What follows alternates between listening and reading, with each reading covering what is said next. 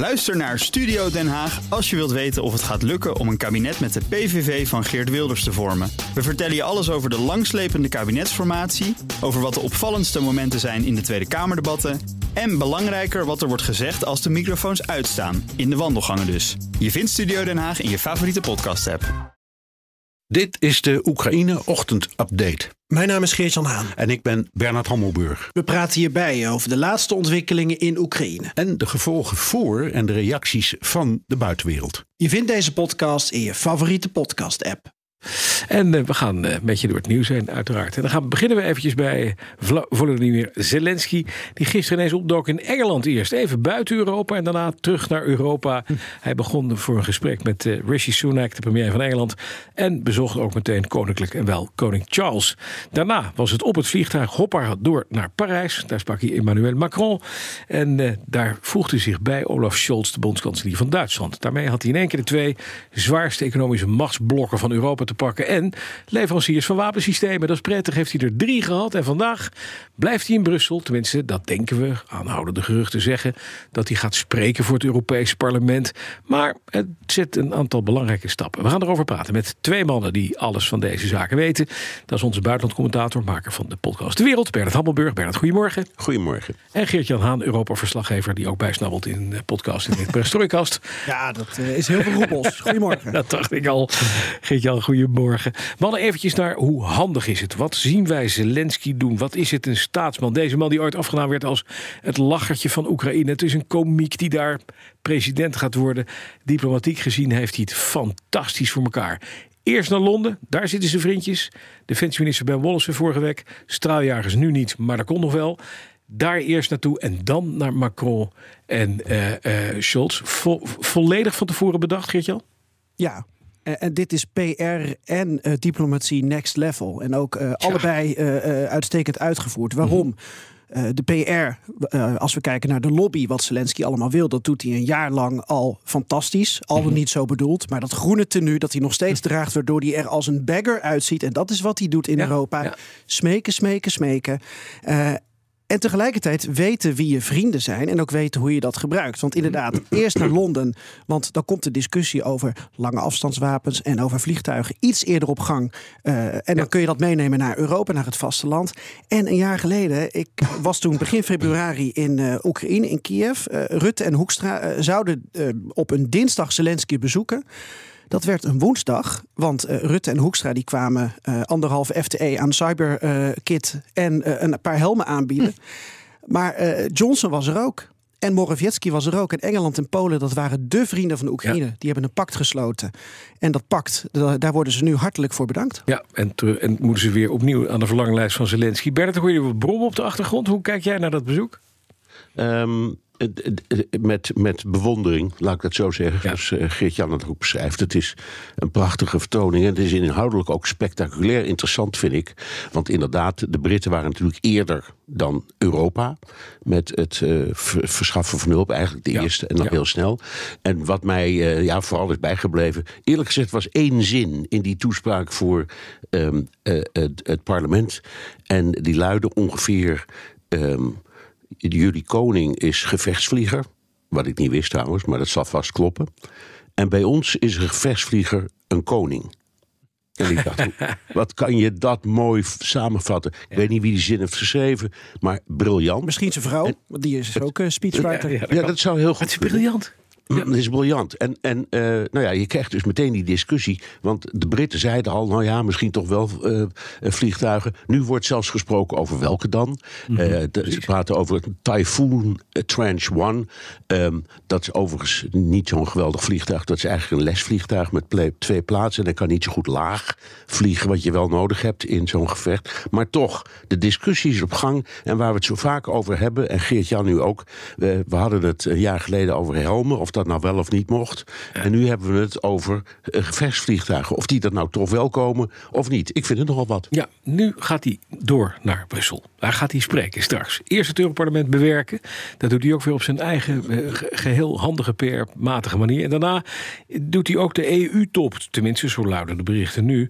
eh, waar de 27 regeringsleiders praten over. Nou ja, daar zal het gaan over migratie, over steun aan bedrijven. Maar ja, gaan de punt 1 nu is natuurlijk meteen Oekraïne, denk Ja. ik, Gert-Jan. Ja, ik krijg daar ook net een bericht over eh, binnen van een EU-diplomaat.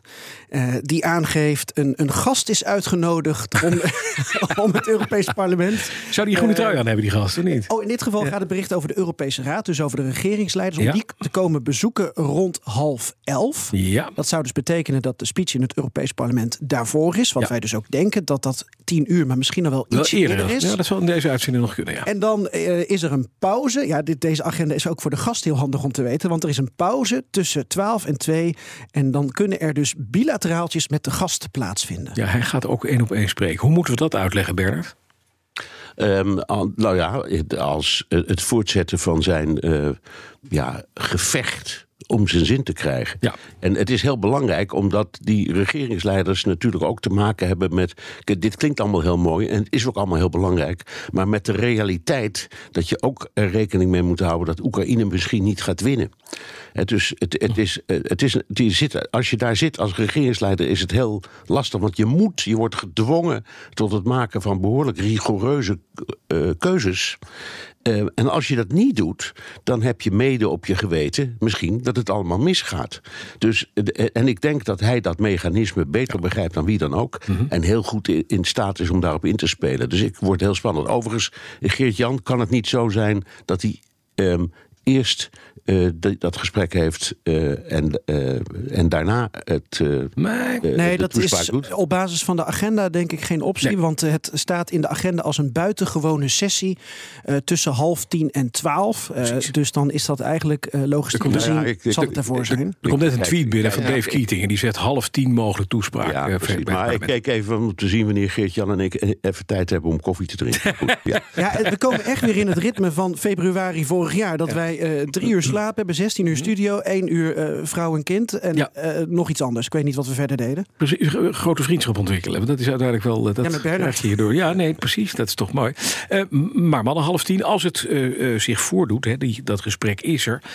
Als je eventjes eh, ehm, eh, de BNR-app downloadt, dan krijg je een pushbericht straks zodra die toespraak begint. Is heel makkelijk als je nu luistert en je wil weten hoe dat gaat. Dan prikken we die toespraak voor een groot deel live door. Ook tijdens BNR's Big Five, uiteraard. Maar even naar het andere mannen, want we moeten ook nog eventjes de toestand eh, eh, in Oekraïne zelf in beschouwing nemen. Eh, meneer Prigozhin, de grote baas van Wagner, die heeft nu gezegd: Weet je wat, ik stop met het recruteren van Russische gevangenen. Hij haalde letterlijk strafgevangenen haalde die uit, de, uit de bak. En die kreeg dan het verhaal: Nou, je mag als kanonnenvlees dienen als je het overleeft. Na zes maanden heb je gratie. Daar gaat hij nu mee stoppen. Hoe moeten we dat duiden, Geert-Jan? Eh, nou, dat betekent niet dat Wagner stopt. Nee. Want Wagner heeft ook eigenlijk twee takken. Dat is dus de eh, eh, gedetineerde schurkentak. Al Ja. die mensen die hij uit die gevangenis heeft gehaald. Tuig, ik kan, ja. eh, tuig. Ik kan niet inschatten of de gevangenissen leeg zijn. Of dat dit zo is afgesproken met, ehm, eh, met het Kremlin.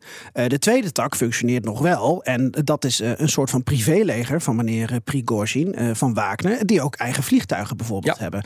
Maar je ziet aan het front, bijvoorbeeld in de buurt van Bakhmut... waarvan ik best wel de stelling aandurf, hoe treurig dat ook is... dat Oekraïne binnen een paar dagen gaat besluiten om zich daar terug te trekken. Want dat ziet er echt heel slecht uit qua aanvoerlijnen. Ja, ik denk dat eh, daar de rol van Wagner langzamerhand eh, eh, is uitgespeeld. Ze zijn er nog wel, maar je ziet dat er steeds meer eh, reguliere Russische troepen... eh, VDV's, eh, parachutisten, dat die de boel daar, daar gaan overnemen. Kunnen die dat, Bernard? Ehm, nou, dat is volgens mij de hamvraag, Bas. Ehm, het, het, het- het- als je kijkt door de Russische krijgsgeschiedenis, dan, dan is de manier waarop zij vechten met een onvoorstelbare overmacht, overmaat aan manschappen. Ja. Als je bijvoorbeeld kijkt naar de slag om Stalingrad, nou, er zijn onvoorstelbaar veel, honderdduizenden mensen omgekomen, 200 dagen lang. Ehm, en wat de Russen hadden, ze hadden niet nauwelijks wapens, maar wat ze wel hadden was mensen. Ja. En ik heb de indruk dat eh, Poetin nu me- meer, zich meer aan het voorbereiden is op een slag met ontzettend veel soldaten. Dan dat hij zich zoveel zorgen maakt over hoe goed dat nou precies is bewapend en strategisch werkt. Ja. Eh, dat, is, dat is echt een reële angst als dat gebeurt, dan moet je nog maar zien wat Oekraïne terug kan doen. Want dat, heeft, dat had een leger van 250.000 man. Dat is opgevoerd tot ruim een miljoen. Maar ja, dan ben je er wel zo'n beetje. Ze hebben niet zoveel meer dat ze kunnen. Dus dat is de grote angst. En dan breng je terug op de discussie: wat moeten wij dan doen aan steun? Luchtwapens. Eh, en dan kom je terug op eh, ja, eh, vliegtuigen, Ja, eh, eh, kanonnen voor de lange afstand. Ja. En ga zo maar door. dat is het inderdaad. hè. Dat is de enige om grondtroepen tegen te houden. één ding, ik weet niet Ja. of jullie dat hebben gevolgd, maar dat vond ik heel grappig. De Amerikanen hebben een concurrent opgericht van Wagner, die heet Mozart. Ja, ja klinkt als muziek in de Maar die is, er- die is dus heel snel omgevallen, omdat Hm. alle recruten daar eh, alleen maar eh, aan de drank zaten en niet op tijd kwamen en zich nergens aan hielden. Dus dat is weer opgeheven. Ja, Als lijkt- Rutte een privéleger wil, dan weten we ook hoe dat gaat heten. Van zijn favoriete componist. Chopin. Oh ja. Hij liep toch ooit met dat boek van Chopin Oh, eh, onder zijn arm eh, door Brussel? Ja, dat is, ja, dat is waar. Ja, dat is waar, ja. Nee, je ziet inderdaad, maar als je zo'n groep opzet... wa- De Wagner-groep zal ook niet, eh, niet vies zijn van een klein wodkaartje. Kan ik me zo voorstellen. Nee, dat zijn Dat de Rus- het Russische leger goed is. Ja, daarom. Eh, straks dan eh, eh, zijn Geert-Jan en eh, Bernhard bij ons eh, eh, live bij die toespraak van Zelensky in Brussel. Nou, half tien. Hou maar even de radio in de gaten. Kijk inderdaad, als je op eh, het appje van WNR hebt, dan, eh, dan hoor je hoe en wat. En dan gaan we je straks daarvan op de hoogte Voor nu bedankt, Geert-Jan en Bernhard. Ook Diana Matroos vind je in de BNR-app. Ja, inderdaad. Je kunt live naar mij luisteren tijdens de Big Five. Ook handig in de BNR-app. Breaking nieuwsmeldingen, maar ook het allerlaatste zakelijke nieuws. En je vindt in de app alle BNR-podcasts, waaronder Wetenschap Vandaag. Download nu de gratis BNR-app en blijf scherp.